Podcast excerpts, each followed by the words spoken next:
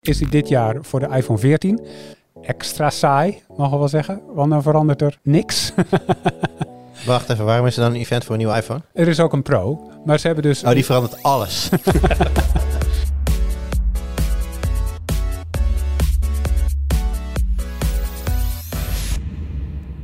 Hoi, leuk dat je luisterde. Welkom bij de Tweakers podcast, aflevering 232. Mijn naam is Arnoud en ik zit vandaag aan tafel met Jeroen Horlings. Hallo. En Jurian Ubachs. hey, hallo. En eh, nou ja, de vaste stem Wout Funnekotter, die mis je natuurlijk. Die is eh, in Duitsland momenteel bij de IVA-beurs. Curryworst aan het eten. Curryworst aan het eten. Ik denk Mm. precies dat hij dat aan het doen is. En, eh, en, en mooie video's maken hopelijk ook nog ergens tussendoor. Maar dat is niet waar we het vandaag over gaan hebben. We gaan het namelijk hebben over spanning op de energiemarkt. En dan één klein stukje daarvan. Maar eh, waarop Tweakers een hoop aandacht voor is, zo hebben we gemerkt. Eh, namelijk de teruglevertarieven. En dat is natuurlijk als je eh, met je zonnepanelen of andere energiebronnen meer energie opwekt dan dat je verbruikt. Dan kan je terugleveren. De tarieven daarvoor zijn door de grote energieboeren onlangs stevig omlaag geschroefd. En dat vindt lang niet iedereen leuk. en daar is genoeg over te vertellen. Dat gaan we allemaal straks doen. Maar we beginnen uiteraard met de highlights. Jur, dan begin ik bij jou. Ja, nou ja, en ik was net als, eh, net als, net als Wout nu aan het doen is, was ik vorige week even gaan, eh, gaan curryworst eten in Duitsland. En dat Ja. was wel mijn... eh, ik heb helemaal geen curryworst gegeten eigenlijk. Huh? Nee, dat is er niet van Dat is gekomen. voornemen. Dus Wauw. Nee, de, de eerste avond had ik iets van, ja goed, dat is wel helemaal niet belangrijk voor de mensen die zitten hier vast niet te vast niet. Anders moet je maar even vragen in de comments, dan, dan bedenk ik het nog even voor je wat ik ook had. Nee, ik was natuurlijk naar Gamescom. En dat was eh, voor mij de eerste beurs sinds eh, het fenomeen COVID-19 eh, ons leven is gaan beheersen. Eh, sowieso eerst sinds de E3 van 2019, denk ik. Want, want in dat jaar, eh, wij deden de laatste paar Gamescoms al niet meer. Hè. Paul was er toen natuurlijk nog en die deed de laatste paar Gamescoms solo. Ik was meestal op vakantie eh, eind augustus. Mhm. Dus voor mij was het even geleden dat ik weer op een, op een grote internationale beurs rondliep. Met heel veel mensen die helemaal niet eh, nodig vonden om een mondkapje op te doen. Dus eh, dat was, was even wennen, maar het was ook wel weer leuk. En het was eh, ook wel weer grappig om in, die, in het ritme te komen van elke dag een, eh, een artikel eh, schrijven. Ik heb een streak van volgens mij zes op rij. Ja, En toen dacht ik was ermee bezig en op een gegeven moment dacht ik, jezus, dit is wel veel werkdruk. Hoe komt dat? En toen dacht ik, oh, en toen dacht ik, oh wacht even. Vroeger deden we natuurlijk gewoon om en om. Dan hadden Paul en ik op een E3 hadden we de ene dag was hij, de andere. Tenminste, in het begin deden we dan allebei elke dag. En op een gegeven moment werd het gewoon om en om afwisselen. Ja. Dan had je ook nog eens tijd voor iets anders. En nu was ik maandag was ik nog steeds bezig. dacht ik van, hmm, wel veel om ineens, ineens allemaal zelf te doen. Maar. Maar eh, nee, het was, eh, het was erg leuk om daar, eh, daar weer te zijn. Dat was, eh, en wennen. ja. Maar qua sfeertje, een beetje zoals vroeger. Eh, ja, deels wel. Ik moet wel zeggen, de beurs zelf was wel wat uitgekleed. Ehm, ik weet niet of ik heb een video gemaakt over Pentiment.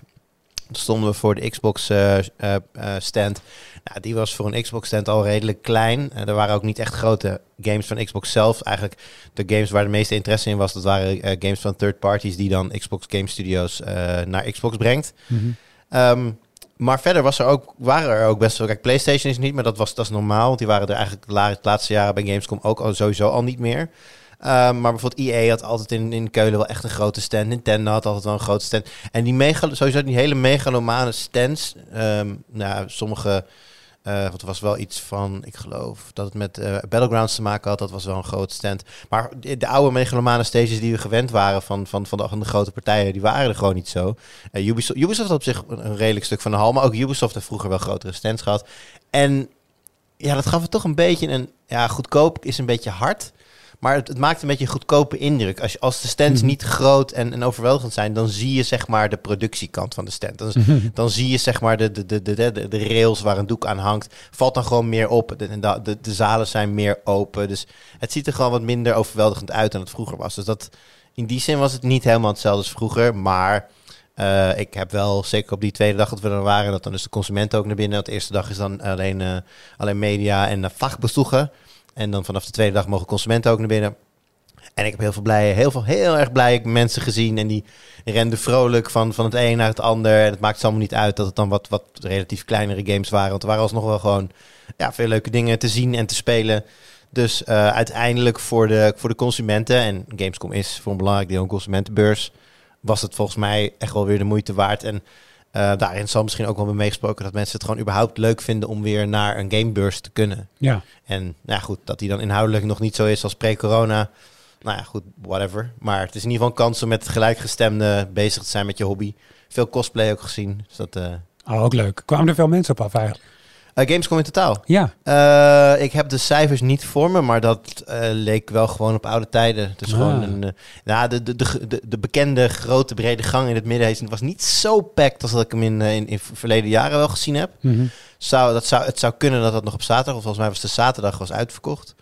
Eh, maar dan heb je het in ieder geval over, over het hele event verspreid. eh, honderdduizenden mensen die daar wel op af zijn gekomen. Ja, ja en dan in deze tijd is dat natuurlijk wel een beetje. eh, ik weet nog dat ik uit het. Want je hebt dan een afgesloten media en, en, en, en, en trade gedeelte. En daar is het dan relatief rustig. Ja. En ik weet nog dat ik het consumentendeel inliep. En eh, ik, eh, dan op een gegeven moment, als je dan daar vandaan komt, dan sta je boven. Ga je met de roltrap naar beneden. En dan kom je eigenlijk het consumentendeel. eh, of het grootste deel van het consumentendeel in. Dan heb je dus die grote centrale gang. En dan kijk je dus die gang in. En dan zie je echt een zee van mensen. ik heb nog nooit zo snel een FFP2-masker uit mijn tas gehaald.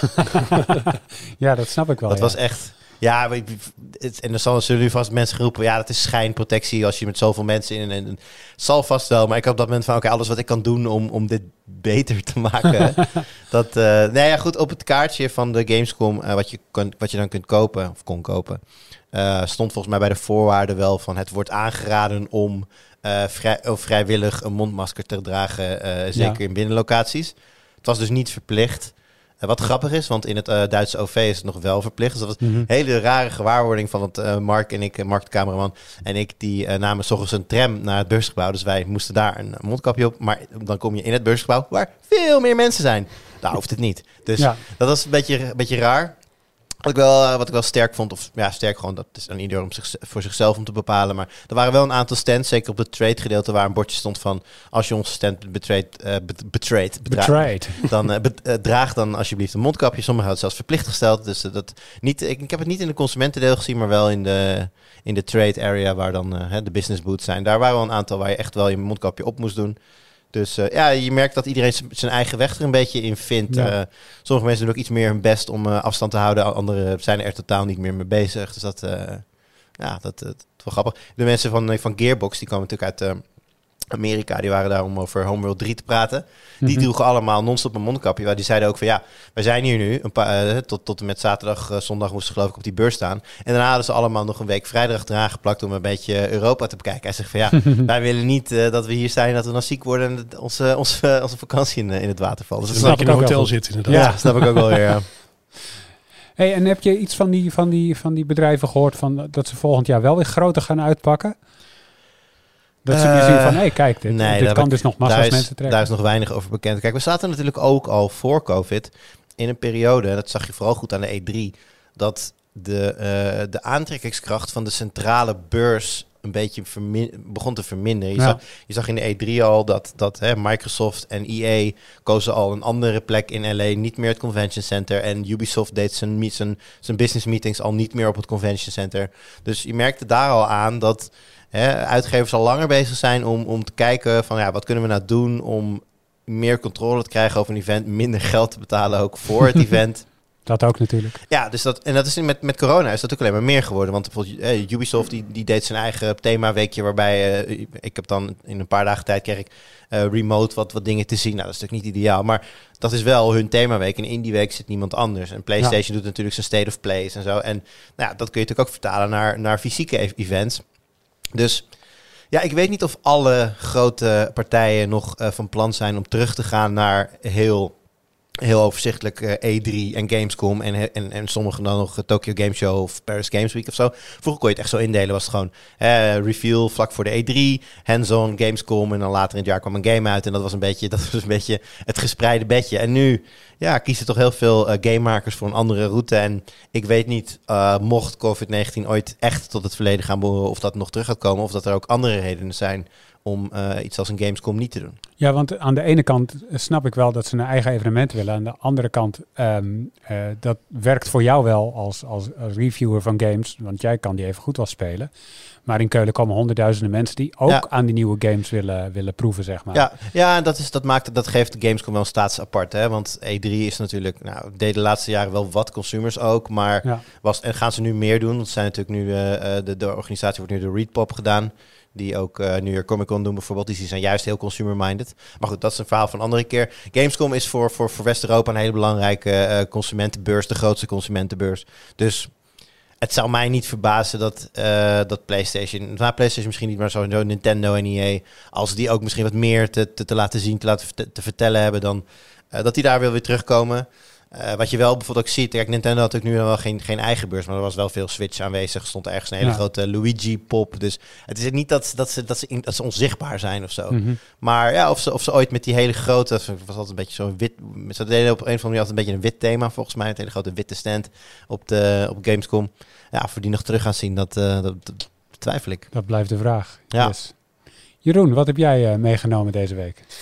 Nou, mijn highlight is mijn vakantie. Dat zal voor meer vier mensen gelden, denk ik. Want uh, ben je vandaag weer aan het werk gegaan? Nee, dat niet. Een weekje ben ik niet terug, geloof ik. Ik zit nog een beetje in, Ja. uh, in, in tropische sferen. Uh, maar en, en, vooral dan dat ik die... dat ik heb 5000 kilometer gereden en die 5000 kilometer heb ik elektrisch afgelegd. Dat Mhm. overigens nog niet voor het eerst. Maar dat wou ik toch even weer, um, ja, eigenlijk als reactie op wat we, um, ik weet niet of jullie het opgevallen, maar in, in een beetje juni, um, begin juli zag je op sociale media als Facebook, die ik trouwens tegenwoordig mijd, en ook Twitter, en de verjaardagsfeestjes, die misschien wat minder makkelijk te vermijden zijn. Um, nou ja, daar zag je toch weer wat berichten. Hè? De plaatjes zijn druk, files bij het laatste station. Je bent gek als je op vakantie gaat met je elektrische auto. En er is natuurlijk altijd weer die... die Mooie imitatie ook. Praat ze allemaal zo? Zo, zo praten ze. Wow. Uh, ja, Nee, maar dat, dat is uh, bij de interpretatie dan. Maar in ieder geval uh, in de praktijk ook ervaren dat hè, op de verjaardagsfeestjes heb je altijd weer die uh, ene fictieve oom die dan, die dan zelf zonder nul, met, met nul ervaring op het onderwerp zegt dat kan absoluut niet. En je bent gek en je moet met een diesel gaan en dan sta je daar uren te wachten en je moet twintig keer stoppen en, enzovoort. Um, daar kan ik niet zo goed tegen, dus daar ga ik altijd lekker in discussie. Maar um, nou ja, het, het, het, het is, moet toegeven, het is altijd weer een beetje spannend. Hè? Want ieder jaar op zich, ook, ik doe het nu voor het zesde jaar ga ik nu in. Dus ik heb het veel mm -hmm. vaker gedaan, ook wintersporten enzovoort. Dus zo spannend is het allemaal niet meer. Als je ervaar, wat ervaring hebt, is het veel makkelijker als je dat niet hebt. Um, maar uh, je merkt wel dat dat bij veel mensen leeft. Dus ik geef ook presentaties. Ik kwam toch meerdere keren uh, dit voorjaar mensen naar me toe van... ja, ik heb net een elektrische auto, maar ja, moet ik dat wel doen? Ik twijfel. Mijn vriendin die zegt, nou, ik vind, die vinden, ziet er niet helemaal zitten. Ja, als je dat nooit gedaan hebt, kan ik me dat voorstellen. Want je hebt die ervaring niet. En je hoort heel veel spookverhalen, ziet heel ja. veel foto's enzovoort. Nou, dat hangt natuurlijk ook van de persoon af, van de auto af, van de route af, van je wensen af. Wil je veel stoppen, weinig stoppen, wat is je range enzovoort. Dus dat is heel persoonlijk. Maar ja, ik heb gezegd van ja, je weet het pas echt wanneer je het een keer gedaan hebt. Mhm. Mm -hmm. Dus ja, vroeg of laat, ga het toch een keertje doen. Want misschien valt het juist enorm mee. En dan zie je juist weer dat het voordelen heeft. Nou, en die kant wil ik eventjes kort benadrukken. 5000 kilometer afgelegd, zeven landen in Europa, waaronder ja, landen niet echt heel bekend staan om hun infrastructuur. Slovenië, Kroatië, de bergen, de Dolomieten in Italië. Ook niet echt een paradijsje wat betreft laadpalen. Mhm. Mm -hmm. En ja, het ging probleemloos. Het is anekdotisch, ik weet het, maar ik heb 5000 kilometer afgelegd en redelijk veel uh, geladen. En ook plekken waar je eigenlijk dacht waar niks was, hotels langs de snelweg, in de parkeergarage, zie je gewoon laadpalen staan. Het is echt 2022 en er is echt in die zin wat gebeurt. Ik wil niet zeggen dat er nul problemen waren. Ik heb het ook een beetje opgezocht. Toen ging ik kijken van, hé, hey, uh, waar staan die laadpalen? Dat, ik hoef helemaal niet te laden, maar laat ik het eens doen voor de grap. Want kijken uh, of er problemen zijn. Nou, die zijn er soms. Mm -hmm. uh, dan sta je in, in, in Kroatië en dan hebben ze daar een eigen Kroatische laadapp die je moet installeren. Ach. En dan, dan blijkt in die app dat die laadpaal zo nieuw is dat die, dat die laadpaal denkt dat die 150 kilometer verderop of 150 meter verderop staat. En dan komt het idee niet overeen. Je moet op dan die laadsessie starten op basis van de idee van de laadkabel. Nou, dat kan veel makkelijker, jongens. Doe gewoon universeel met laadpasjes die wij allemaal in Europa gebruiken. Maar sommige partijen zijn nog iets wat eigenwijs. Uh, een andere iets grappig iets was dat ik um, op een willekeurige random uh, parkeerplaats uh, afriep. Maar ik had van tevoren gezien dat er stond dat er een laadpaal was. Dat doen ze dus daar heel netjes, in Nederland dus niet. Mm -hmm. um, en het was in Slovenië trouwens. Alleen toen kwam ik bij wat bordjes en stond tankstation rechtdoor, laadpaal links, laadpaal rechts. Wat doe je dan? Nou ja, je kiest dus een willekeurige random laadpaal. Ja. En dan blijkt dat dus een 50 kilowatt later te zijn. Mhm. Wat in mijn geval wel heel erg traag is. En dan heb je dus eenrichtingsverkeer. En dan kan je dus eigenlijk niet terug. Je ziet die andere supersnelle laadpaal aan de overkant zie je al staan. maar dan denk je, ga ik tegen het verkeer in? En nou ja, dan, dan ben ik er gewoon. En of ga ik deze trage laadpaal doen? Of ga ik gewoon doorrijden? Of ga ik terug? Nou, terug gegaan. En toen uh, uiteindelijk is alles goed gekomen. Bleken daar gewoon zes plaatsen te staan. Dat is ook weer een beetje de wet van de remmende voorsprong. Dat ook Kroatië, Slovenië, die zelf niet heel veel elektrische rijders hebben, maar die wel heel veel bezoek krijgen uit het buitenland. Nu dus beginnen met, met laadpalen die zo courant zijn dat we daar nog jaren op kunnen teren. Ja. En, uh, nou ja, ja, dat is altijd zo. Maar jij hebt nu dit voor het zesde jaar gedaan, zeg je. En als je het nooit hebt gedaan, is dat spannend. Zeker. Um, hoe pak je dat aan? Nou, dat is het dus punt. Als je dat dus voor het eerst doet, zou ik zeggen, uh, bereid het voor. En er zijn allerlei handige apps en sites. En eentje daarvan is A Better Route Planner. Mhm. Universeel, werkt voor alle auto's. Sterker nog, je voert gewoon het type auto in wat je hebt. Dan weet die app al hoeveel, hoe groot je accu is. En dan weet hij ook waar je moet laden. Geeft hij allemaal suggesties. Dan zie je zo van tevoren, oké, ik moet zo vaak stoppen. Uh, daar en daar en daar. je ziet ook al, als je een beetje gaat inzoomen, waar alternatieve laadpalen zijn. Dus dan, Mhm. dan kun je dat ook nog zien. Um, dus op die manier zou ik wel zeggen, bereid het voor en zorg ook voor een plan B. Dat was het wel een keer tegengeval, want het kan voorkomen dat als iets helemaal vol is, of bezet is, of defect is, of er is een ongeluk en je kunt niet komen, dat je dan in ieder geval een alternatief hebt. Heb je een wat moderne auto, of je hebt de ervaring dat je weet, uh, er staat er nog eentje uh, over een paar kilometer, ja, dan gaat het eigenlijk redelijk organisch. Ik, moet, ik heb zelf um, niks voorbereid en gewoon de dag van vertrek, dan voerden wij de, de, de eindbestemming in. En uh, nou, dan kwam de automatisch natuurlijk al om het uitrollen. Dan moet je één keer laden daar. Mhm. Uh, of niet. Uh, soms kon je het ook in één keer natuurlijk bereiken. Mhm. En dan zie je ook van tevoren, in, in mijn geval dan, en bij een andere, andere, andere, andere auto's ook, zie je ook hoe druk het is. Dus dan zie je, oh, dit is te druk. Dan slaan we die over. Of we gaan eerder, of we gaan later. En daarop anticipeer je dan een beetje. En dat werkt goed. Maar die luxe heeft niet iedereen. Sommigen zijn niet connected. Zie je niet of nauwelijks laadpalen in navigatie. Dan heb je echt een app erbij nodig die dan een beetje bij helpt. Hoe is dat? Want je bent, uh, nou ja, je bent nu net terug van vakantie. Dus je bent redelijk in het hoogseizoen op vakantie gegaan. Nou horen we zeker op de, wat drukkere routes naar, naar, naar de, de, de, zuidelijke landen in Europa... hoor je nu als verhalen over inderdaad drukte bij laadpalen. En dat is natuurlijk wel, hè, als we dan gaan vergelijken met, met, met ouderwetse auto's... als er drie auto's voor me staan bij het tankstation... dan weet ik dat ik over een minuutje of, nou wat zal zijn, acht op zijn slechtst... ben ik wel aan de beurt. Als ik drie auto's voor me bij een laadpaal, dan gaat het een stuk langer duren natuurlijk. Wat is, daarmee, wat is jouw ervaring daarin? Ja, precies. Ook mijn ervaring is weer anekdotisch. Dus die, er zijn absoluut situaties waarbij er rijen voor de laadpaal staan waarbij je een uur moet wachten. Dat, dat komt dus voor. Maar ik denk wel dat dat incidenten zijn. En diezelfde rijen zie je ook bij de tankstations. Maar die, dat haalt dan weer vaak het nieuws niet. Maar die, gaan, die lossen zichzelf sneller op. Ja, maar ook, maar ook, daar kun je dus om een half uurtje staan. Ja. Als het serieus maar als je een half uur staat voor tankstation, dan staan echt, echt heel veel auto's natuurlijk. Ja, daar staan echt heel veel auto's. Maar op, dat, op Zwarte Zaterdag... Ja, oké. Okay. In theorie iedere, zou dat kunnen, ja. Op Zwarte Zaterdag komt dat voor. En ik, ik zou dus ook... Dat is natuurlijk common sense. Wat voor auto je ook hebt. Ga nou alsjeblieft niet op Zwarte Zaterdag rijden. Plan het een beetje slim in. Vertrek midden in de nacht desnoods. Weet je wel? Dat je dat soort hele drukke momenten kunt ja. vermijden. Want dat is inderdaad wel klassiek. Hè? Dat is ook een beetje het wintersportscenario.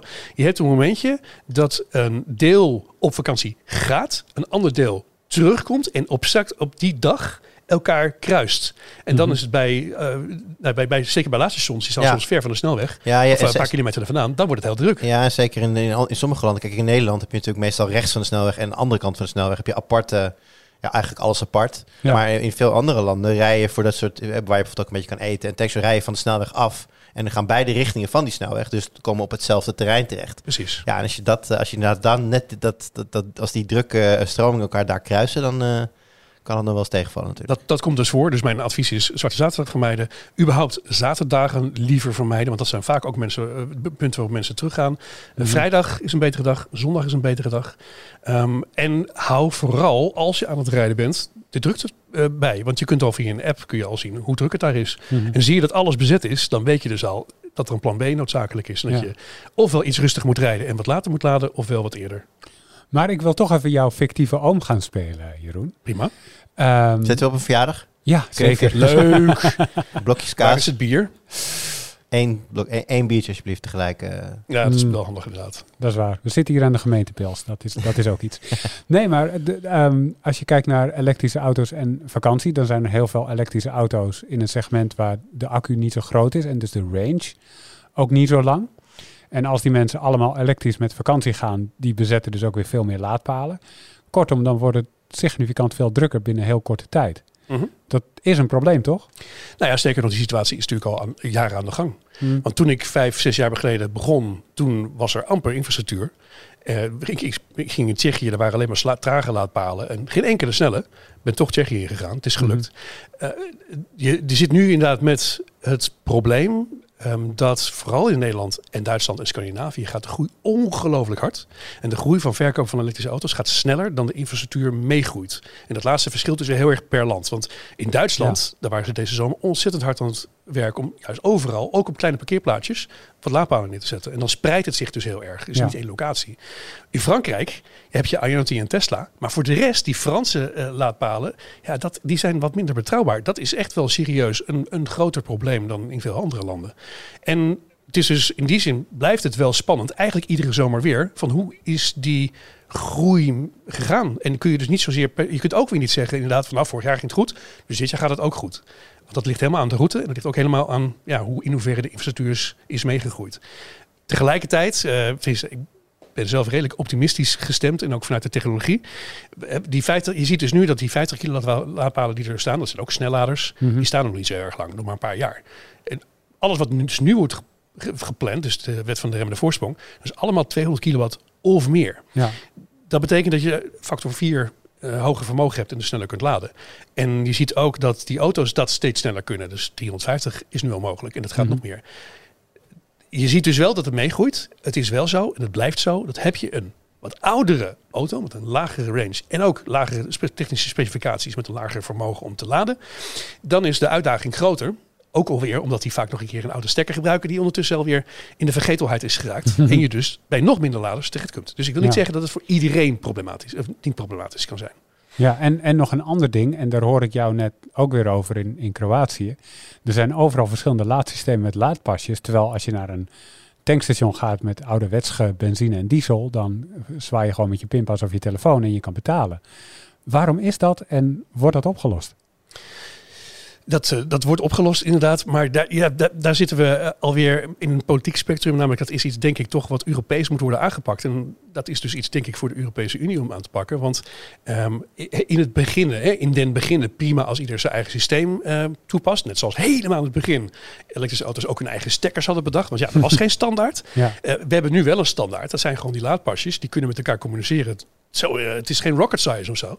Maar dan moet je dat wel gaan doen. En je Ja. moet dus niet je richten op je eigen lokale markt. Je moet je richten op Europees breed. Dat dat zo'n dingetje overal werkt. En als je dan met een laadpaal niet kunt betalen. Dat je dan een gebruiksvriendelijke manier hebt om op een andere manier te betalen. Dus eh, met pinpas kan steeds vaker. En eh, met creditcard. En soms dus inderdaad, helaas ontkom je niet aan om een appje te installeren. Dat zijn overigens vooral die oude laadpalen. Dus er is echt een verschil of bij een oude laadpaal aankomt die dus zijn eigen systeem heeft. Mhm. En zo'n splinternieuwe laadpaal, want dan weet je bijna zeker, die werkt gewoon ook met je Shell-pasje of het ANWB-pasje. Ah, oké. Oké. Ja, je merkt duidelijk dat ik er nog niet in thuis ben. Ja, dat geen probleem. Mag ik nog één dingetje noemen wat, echt dat, wat, wat hierop aansluit? Ehm, jullie hebben wel eens in de berg gereden, denk ik, hè? Met, een, Nou. met, met jullie, au- met jullie Ja. eigen auto. Ja, ja. Dat heb ik zelf ook gedaan, eh, automaten, schakelbak. Nou, met de schakelbak weet je, zeker als het stijl is en veel haarspurtbossen mochten zijn, dat is gewoon hard werken. Ja. Mhm. Je moet recht omhoog, dan moet je naar z'n twee, misschien zelfs de één. Ja. Eh, je, je rem gaat een, beetje, gaat een beetje ruiken, want je bent continu aan het remmen als je, Je moet heel erg op de motor remmen. Ja. Ja. precies. Je moet heel erg op de motor remmen als je het slim aanpakt met schakelen, inderdaad. Ehm, nou, eh, eh, ik heb net een nieuwe auto, dus die wordt ook weer wat beter dan de vorige. Ehm, die, die tackelt beide problemen. Hè. Sommige mensen vinden het leuk om lekker te schakelen, dus dat, dat laat ik even in het midden. Maar je hebt dus, ehm, je, je hoeft dus niet meer te schakelen. Je hebt een enorm, aan, je hebt een enorm eh, hoog vermogen, direct koppel. Dus als je omhoog gaat, ook is het 20% die stijging, je trekt het gewoon. En Mhm. met groot gemak. Als je omlaag gaat, dat is pas leuk. Want dan heb je dus die hele rem niet meer nodig. Want je remt, tenminste met one-pedal driving, gewoon door je gaspedaal los te laten. En dat rijdt ontzettend relaxed. Is mij nu opnieuw nog een keer opgevallen. Ik heb het eerder gedaan. Maar we hadden, we hadden nu echt vrij serieuze bergen in de Dolomieten in Italië. En met enorme hardspelbochten. Je hoeft nu alleen maar op die bocht te concentreren heb je ook en van de redelijk, omgeving. redelijk wat terugwinning ook, denk ik. Je hebt enorm hoeveel terugwinning Ja. inderdaad, ja. Dus omhoog verbruik je natuurlijk meer energie. Ook met Ja. brandstofauto's is dat het geval. Ja. Ja. Maar omlaag heb je dus het voordeel dat je echt ontzettend veel regeneratie hebt. Bij, met één of twee elektromotoren. En ik, ik heb echt een enorm vermogen gezien wat ik dan kon terugwinnen. Dus je rijdt, tenminste in mijn praktijkervaring, ook al met een Prius vroeger...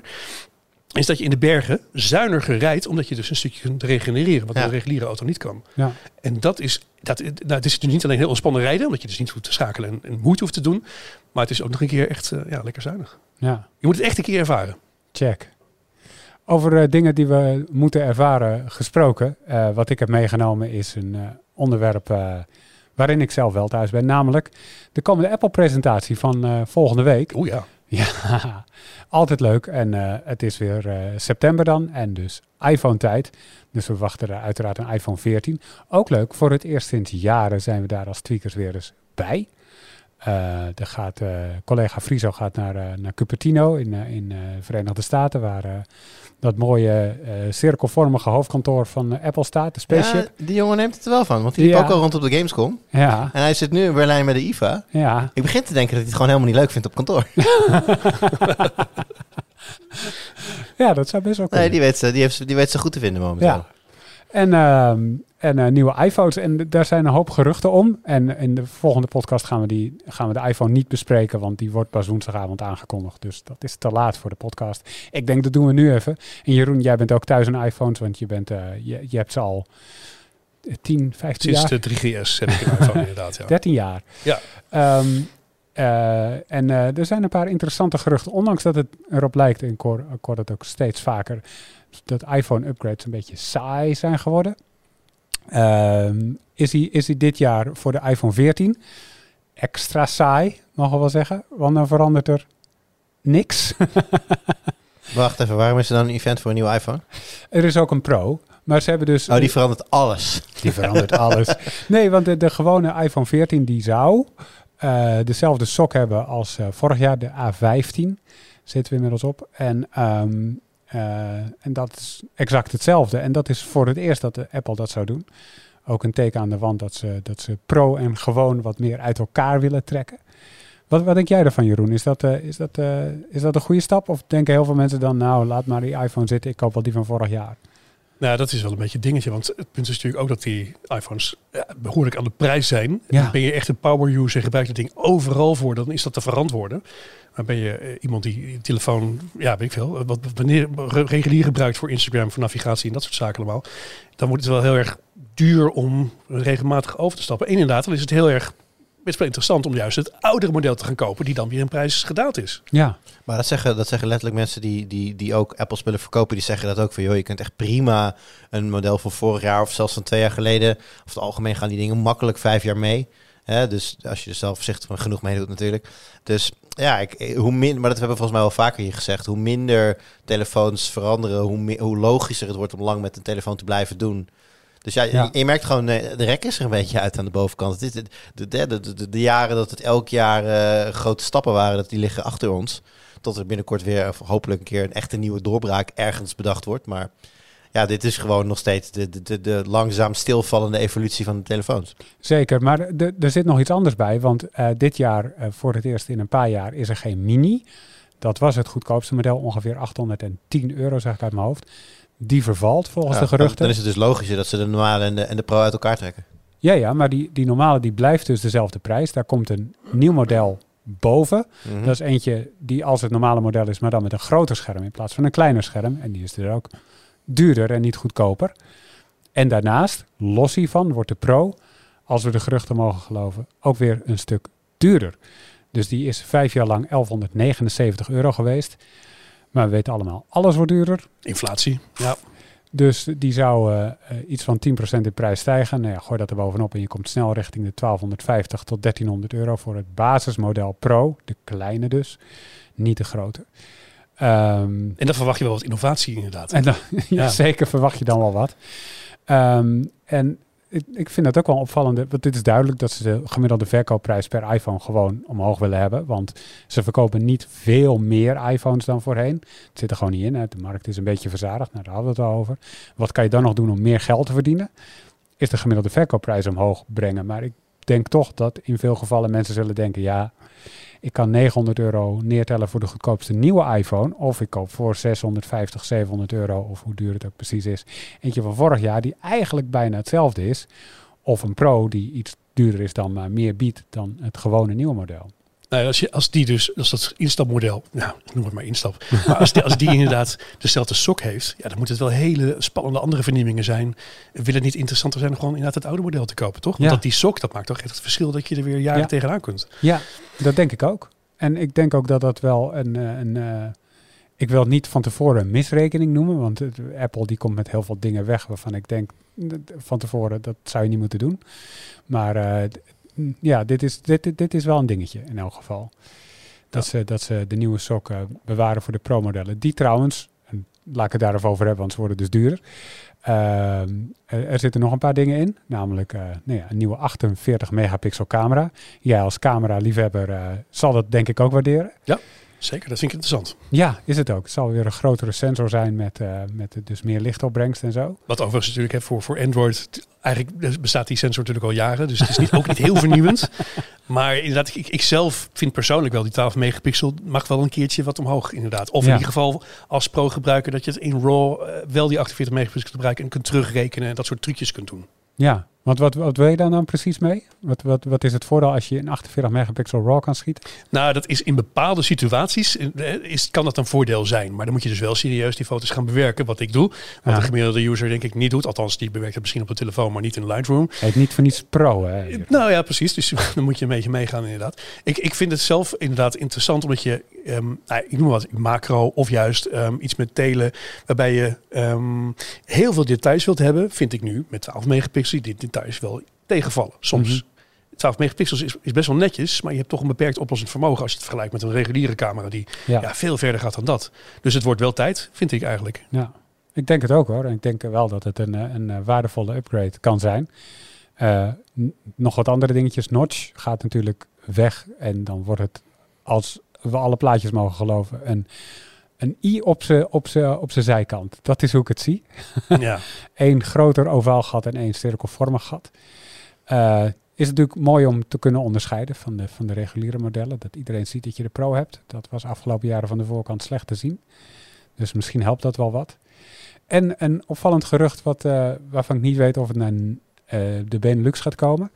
Maar is dat die eSIM only wordt. Dus dat het simkaartslot eruit gaat. Maar dat zou alleen in bepaalde landen zijn. Waaronder waarschijnlijk de VS.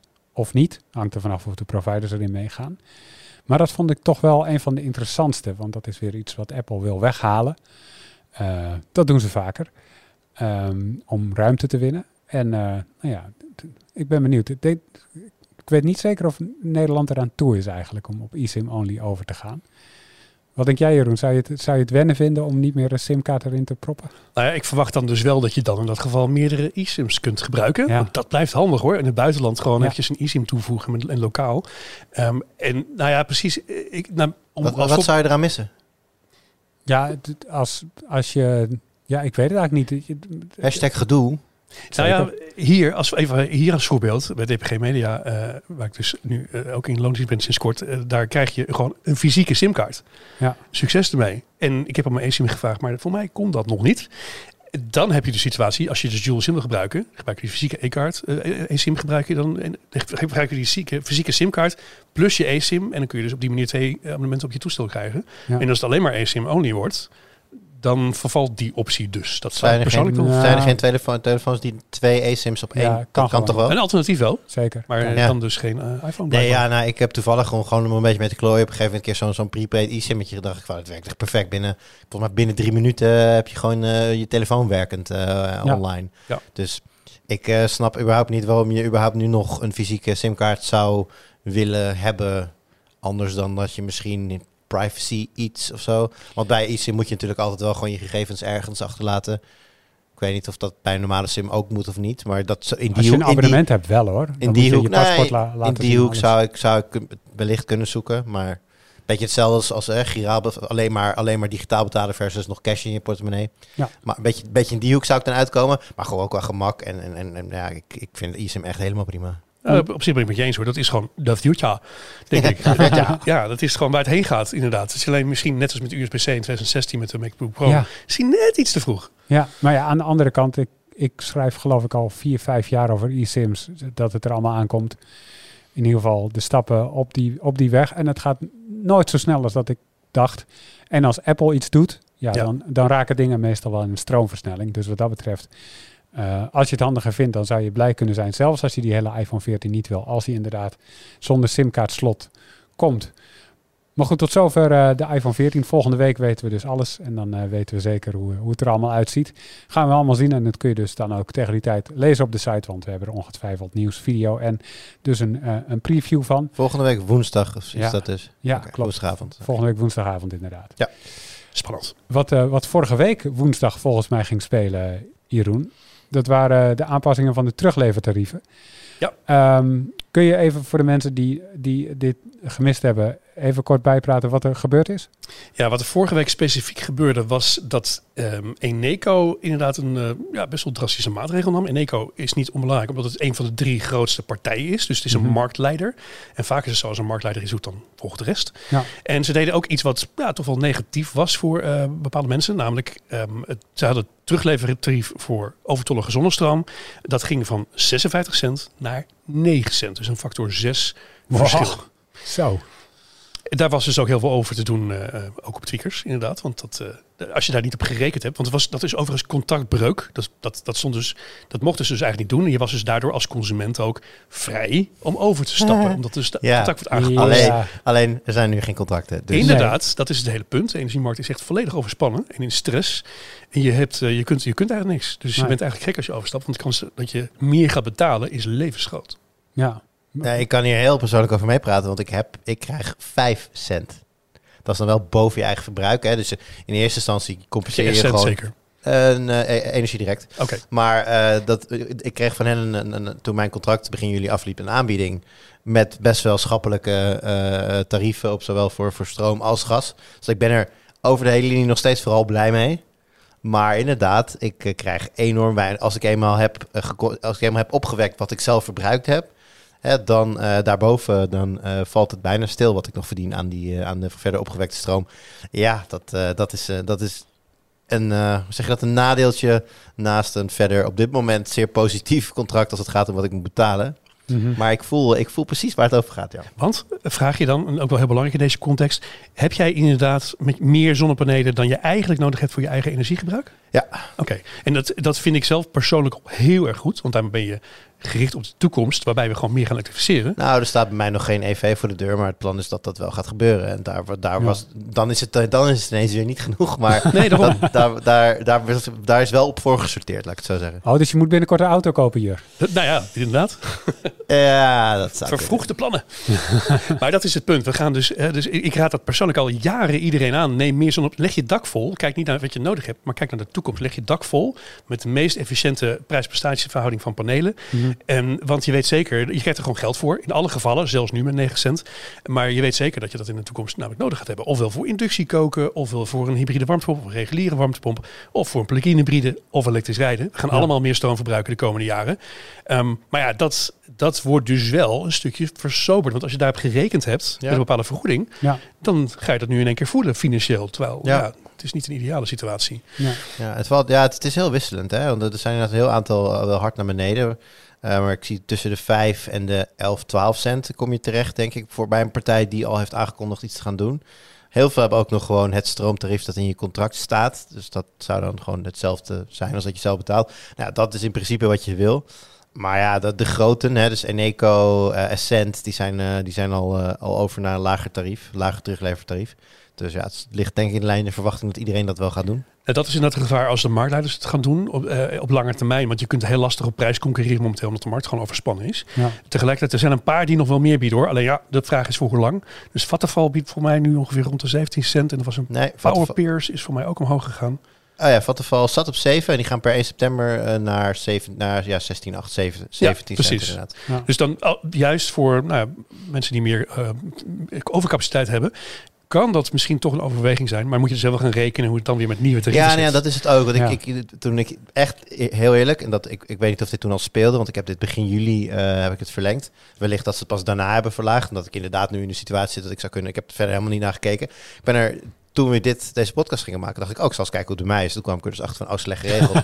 maar, maar wat ik zeg, ja, ik heb een, zeker voor de, hè, want ik weet niet of je een beetje de, de prijs in de gaten houdt, maar ik geloof dat gas inmiddels naar 5 euro per, per kuub gaat. Ik zit op 1,87 om een idee te geven. En dat is voor de huidige tijd best wel een oké deal. Dus ik heb zoiets van ja. En eh, die, die deal hebben ze alleen dan aangeboden volgens mij aan mensen die al klant waren. Dus die kon je niet zeg maar op de open markt nog krijgen bij Energie Direct. Ja, en ik snap wel dat om dat soort aanbiedingen aan je bestaande klanten te faciliteren, dat je daar ergens anders de deal wat minder lekker moet maken. Ik bedoel, het is voor mij, eh, omdat ik inderdaad overcapaciteit heb, eh, niet heel chill. Maar ja, en wat ik zeg, het is, het is gewoon geen leuke energiemarkt. Dus dat het linksom of rechtsom pijn doet. Dat en bij mij doet het dan pijn in hoeveel er eventueel terug zou komen. En niet zozeer in hoeveel er maandelijks uitgaat. Ja. Ja. Ja, precies. Dat is, dus een, dat is dus die afweging die iedereen persoonlijk voor zich moet Ja. maken, inderdaad. Maar het is wel opvallend, want het haalt dus ook echt groot het nieuws overal en heel veel discussie daaromheen. Omdat het eigenlijk wel een beetje gek is wat er gebeurt. En dat het contract wordt opengebroken en dat een energieleverancier zelf bepaalt wat die terugleververgoeding is. Want dat is namelijk het hele pijnpunt. Die terugleververgoeding, dat staat, eh, dat moet een redelijk tarief zijn. Mhm. Ja, wie bepaalt wat een redelijk tarief is? Multi-interpretabel. En op dit moment zitten we in een hele bizarre situatie van een overgang naar een nieuwe energiewet, die rond 2025 van kracht wordt. In ieder geval en misschien iets eerder in de wet eh, ge- gezet kan worden. Maar in ieder geval de vorige wet, elektriciteitswet, die daarvan zijn bepaalde delen, waaronder dus die redelijke vergoeding, ehm, zijn eh, niet meer gelden, die sinds 2012. Ehm, en dat is dus heel lang goed gegaan, tot de markt, zoals nu, volledig overspannen is. Ja. Want in die wet stond toen namelijk dat het 70% van het reguliere tarief moet zijn. En de ministers, zowel Wiebes als minister Jette, hebben al uitgesproken dat dat in de toekomst 80% moet zijn. Dus wat er nu gebeurt, is al voor iedereen duidelijk dat het eigenlijk niet de bedoeling is. Want het moet 80% zijn of 70. En ze, ze bieden dus, nou, als je, als je nu uitgaat van een kilowattuur van 90 cent, wat helemaal niet zo gek is, dan bieden zij dus een 10% daarvan met Ja. 9 cent. Dat is natuurlijk niet meer, niet meer echt een redelijk tarief, zou ik zeggen. Nee, buiten geen redelijk tarief. Is dat, eh, ehm, je hoort nu geregeld over eh, energiebedrijven die in de problemen komen vanwege nou ja, vaste contracten. Ze moeten leveren voor lagere tarieven, veel lager dan dat ze nu eh, inkopen. Ehm, denk je dat dit een financiële noodsprong is, omdat ze echt in de penarie zitten? Ja, dat, het is lastig in te schatten per leverancier. Want juist die grote partijen, die hebben behoorlijke financiële reserves. Die hebben ook vaak lijntjes met banken. Kunnen snel een nieuw krediet kopen, komen. Hebben überhaupt meer klanten. Dus ook meer capaciteit om lange termijn in te kopen als ze dat zouden willen. In plaats van afhankelijk te zijn van de dagprijzen. Wat de kleine partijtjes hebben. Eh, dus verschilt enorm. Maar ja, zeker. Er zijn vorig jaar zijn er eh, een stuk of zes, zeven partijen energieleveranciers failliet gegaan. Ja. Op dit moment dreigen er opnieuw energiemaatschappijen failliet te gaan. Dus dat zij in de problemen zitten, snap ik wel. Want we, we, de hele energiemarkt gaat veranderen. Hè? Eigenlijk is het sorteren zoals nu. Eh, Dat is, dat is de afspraak. Het moet gaan veranderen. We gaan ook allemaal technische oplossingen daarvoor bedenken. Maar daar, zover is het nog niet. En tot die tijd zitten we eigenlijk met een gekke situatie. Dat, we, dat die energieleverancier jou dus een relatief hoog bedrag moet gaan leveren. Overdag om één uur. Wanneer er overcapaciteit zonnestroom is. En zij dat weer kwijt moeten voor Mhm. een veel, heel ander bedrag. Wat in hun nadeel is. Ja, Ja. ik denk dat het, dat, dat inderdaad. eh, ik denk dat er energieleveranciers ook gewoon heel veel aan gelegen is om de, de, de, de schrikbarende maandbedragen die je wel gedeeld ziet worden op social media. Mensen die vertellen van jongens, mijn energierekening gaat naar 800 euro. Wat de fuck moet ik doen? Hè, dat dat effect, dat dat voor hun gewoon prioriteit één is. Om dat maar zoveel mogelijk te beperken. En nou is het, stel dat je dat van 800 naar 700 euro brengt, dan ben je natuurlijk nog steeds niet lekker uit. Maar ja, ik denk dat ze daar vooral mee bezig zijn. En dat, ja, waar inderdaad gewoon minder uit, als zij minder hoeven uitgeven aan wat zij kopen aan, aan, aan, aan stroom van, van de mensen die, eh, die hun klant zijn. Ja, dan kan dat helpen, denk ik, bij het drukken van de prijzen. Ik denk dat daar eh, de prioriteit ligt. Ja, ik ben ook bang dat het daaraan ligt. En in je artikel, eh, wat, wat gisteren online ging, woensdag, ehm, eh, schreef je ook dat het gevolg heeft voor iedereen die helemaal geen zonnepanelen heeft of geen overcapaciteit heeft. Hoe, hoe zit dat precies? Ja, dat zijn twee verschillende groepen. Eh, laten we beginnen met de- degene die wel zonnepanelen hebben.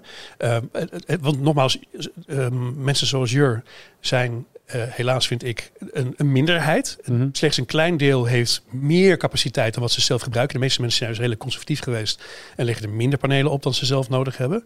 Wat dus tegen mijn advies zou zijn, maar oké. Ehm, dus het treft een kleine groep, maar er zijn bepaalde energieleveranciers die nog veel verder gaan dan dit. Namelijk salderen. Dus dat je dus één op één hetzelfde tarief krijgt als wat je betaalt. Ja. Dat is de salderingsregeling die nog geldt en die pas vanaf 2025 wordt afgebouwd. Ehm, dat geldt op jaarbasis. Mhm. Maar nu zijn er partijen in dit grijze gebied met die wet die niet meer verkracht is, de ACM, die eigenlijk niet meer goed kan handhaven. Die dus denken, hé, hey, maar dan kunnen we ook toch wel, nu hebben we dus variabele contracten op maandbasis. Ja, laten we dan lekker op maandbasis gaan solderen. Maar dan krijg je een compleet andere situatie. Want dan is het de hele solderingsregeling is om zeep geholpen. Ah, want dan moet je in de zomer, krijg je natuurlijk terug en dan zit je met overcapaciteit, want je verbruikt veel minder dan dat je eh, opwekt. Ja. De zon schijnt veel, zeker afgelopen zomer scheen niet heel veel.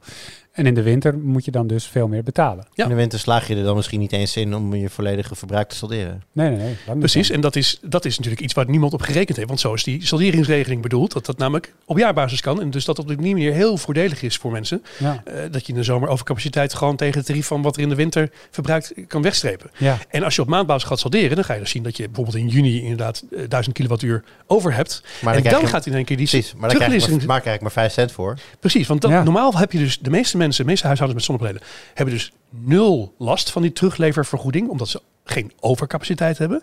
Maar in dat scenario heeft bijna, of nou niet iedereen, maar dan, heeft, dan hebben heel veel mensen, de meerderheid denk ik, ja, als je, als heeft je- er wel last van die terugleververgoeding. In principe, als je geen overcapaciteit hebt, dan ga je in de wintermaanden er wel op toeleggen. Ja, zeker. Ja, klopt. Dus dat is, ehm, als je dat gaat uitrekenen, is dat honderden tot duizenden euro's die dat scheelt. En dat betekent dat je hele ehm, aankoopbeleid en, en terugvergoeding vergoeding van je zonnepanelen compleet op de schop zit. En het Ja. bizarre is dus, de ACM zit, ho ho ho, dat is niet de bedoeling, dit mag niet, maar we kunnen niks doen.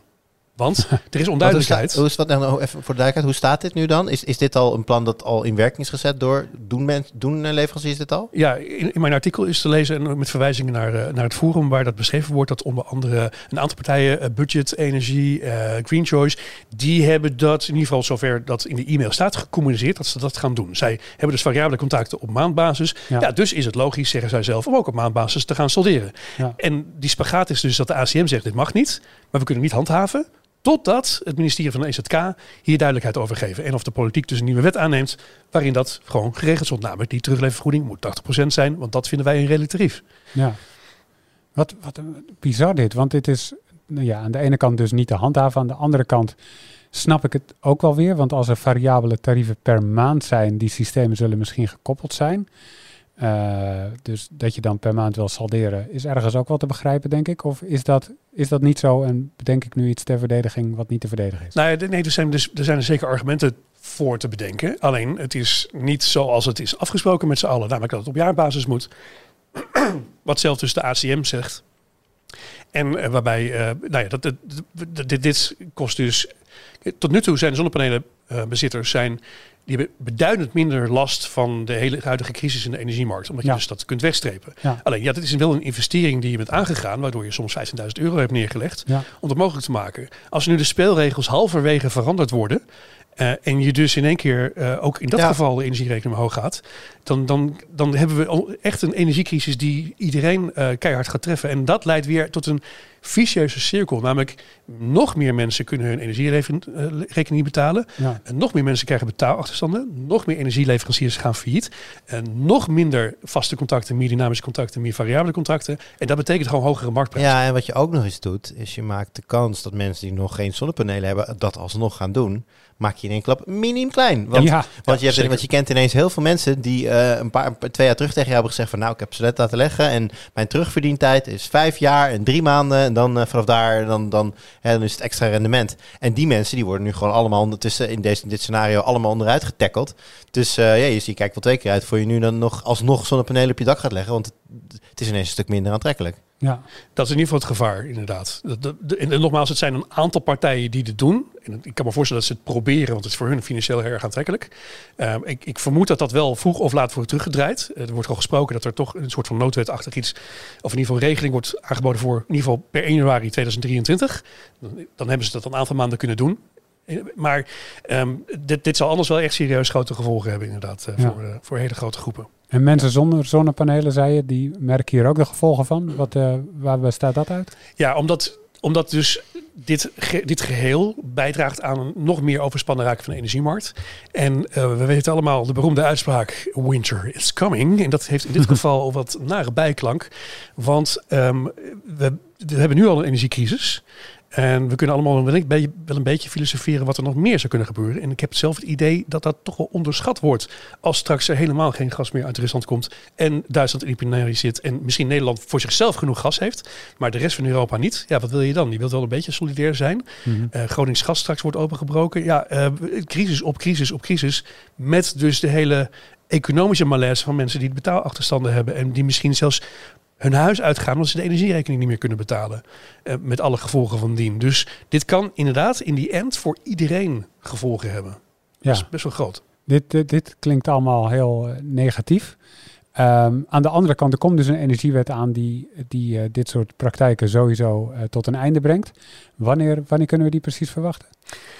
Dat is uh, helaas onduidelijk. Op dit punt er, er, zijn er, heel veel, er zijn heel veel kamervragen gesteld, ook naar aanleiding van vorige week.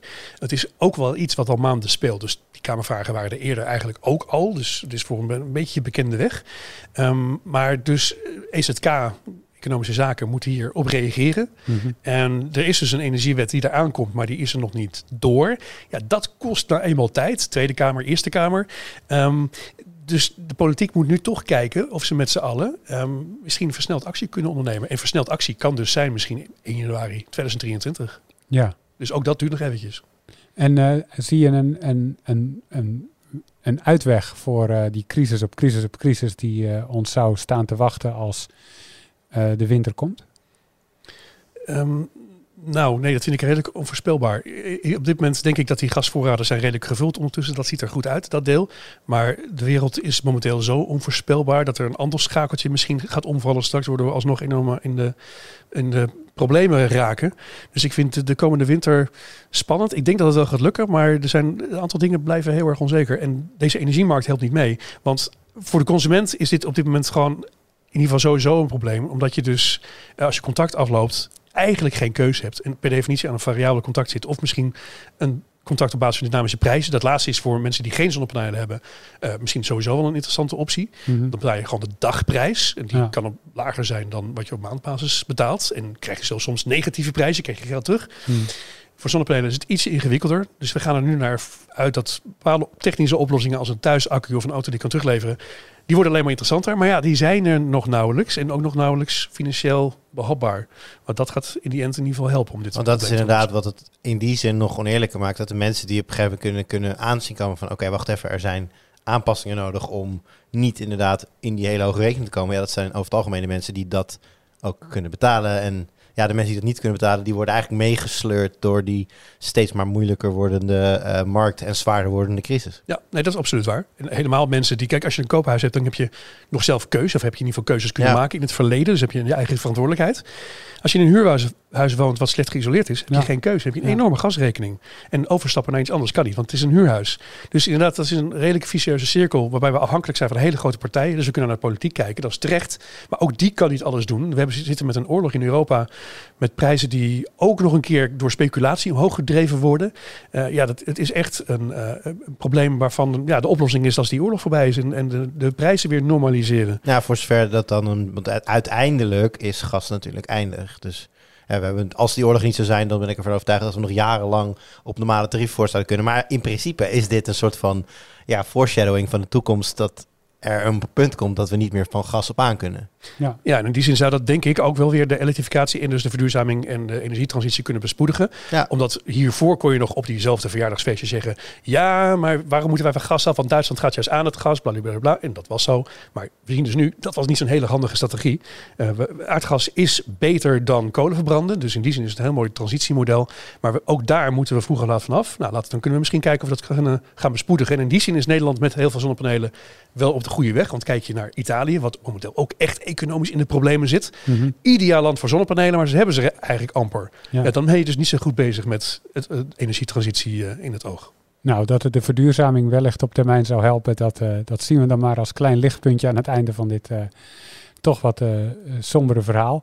Dan wil ik nog eventjes vooruitkijken naar wat er op de korte termijn gebeurt op de site. En dat zijn wel een hoop leuke dingen. Uh, we hadden het al even over IVA. Er komen een hoop video's vandaan en, en, en verhalen komende week. Hartstikke leuk. Er zijn een aantal mensen heen. Eh, namens ons. Eh, we hebben een mooi verhaal over de, de 3,5 gigahertz veiling, de, de frequentieveiling. Ehm, er was een consultatie, en allemaal reacties opgekomen van vooral lokale partijen. Daar schrijft collega Heid een mooi verhaal over. En we hebben nog een paar evenementen die eraan komen. Zoals zaterdag hebben we een Meetup Smart Home. Voor iedereen die met domotica bezig is en dat leuk vindt. Het is zeker iets om, om, om bij te zijn. En er zijn nog kaarten, kan je gewoon nog heen. Zou ik zeker doen als je dat interessant vindt. En waar ook de kaartverkoop voor is gestart, is ons huisfeestje. Eh, Super mooi. op 8 oktober. Ja, dat is heel leuk. Dat, was, dat hebben we voor corona een keer gedaan. Dat is een feestje waarbij we allemaal eh, eh, ja, aan het gamen zijn of leuke spelletjes aan het spelen zijn. Er is van alles te doen ook. Het is niet gewoon een feestje dat iedereen één ruimte is en gezellig staat te kletsen. Maar je, je kan ook nog dingen doen. Echt enorm leuk. Het was vorige keer nou ja, toch wel een van de hoogtepunten van het jaar volgens mij. Ja, zie je er ook naar uit? Absoluut, absoluut. Eh, we hadden toen natuurlijk dat, dat, dat, dat branded tweakers bier hadden we toen. Ik weet niet of dat nu weer op de planning staat hoor. Maar dat feestje was dat in ieder geval. Ja. Dat we dat hadden. En volgens mij was er een whiskyproeverij. En, Ja, en dat is er ook weer. mini casino, spelletjes, noem het allemaal maar op. Ik weet niet wat... Ik, eh, ik zou moeten weten wat er allemaal is. Want ik heb letterlijk bij deze brainstorm gezeten. Maar het, is, eh, het, enige wat, het enige wat ik weet is dat ik, maar ook jij... een klein stukje van de wonderenwereld van Wakkerdam naar... Ja, naar het huisfeestje gaan brengen. Want wij doen daar natuurlijk Weerwolven. En eh Arnoud en ik zijn daar eh, de vertellers. Ja. Dus eh, dat eh, wordt ongetwijfeld heel gezellig. Dat wordt heel leuk, dat wordt heel leuk. Eh, nou, dank jullie wel jongens voor vandaag. Jij dankjewel voor het luisteren. Feedback kan in de reacties op het forum of naar podcast.tweakers.net. En tot volgende week. Doei!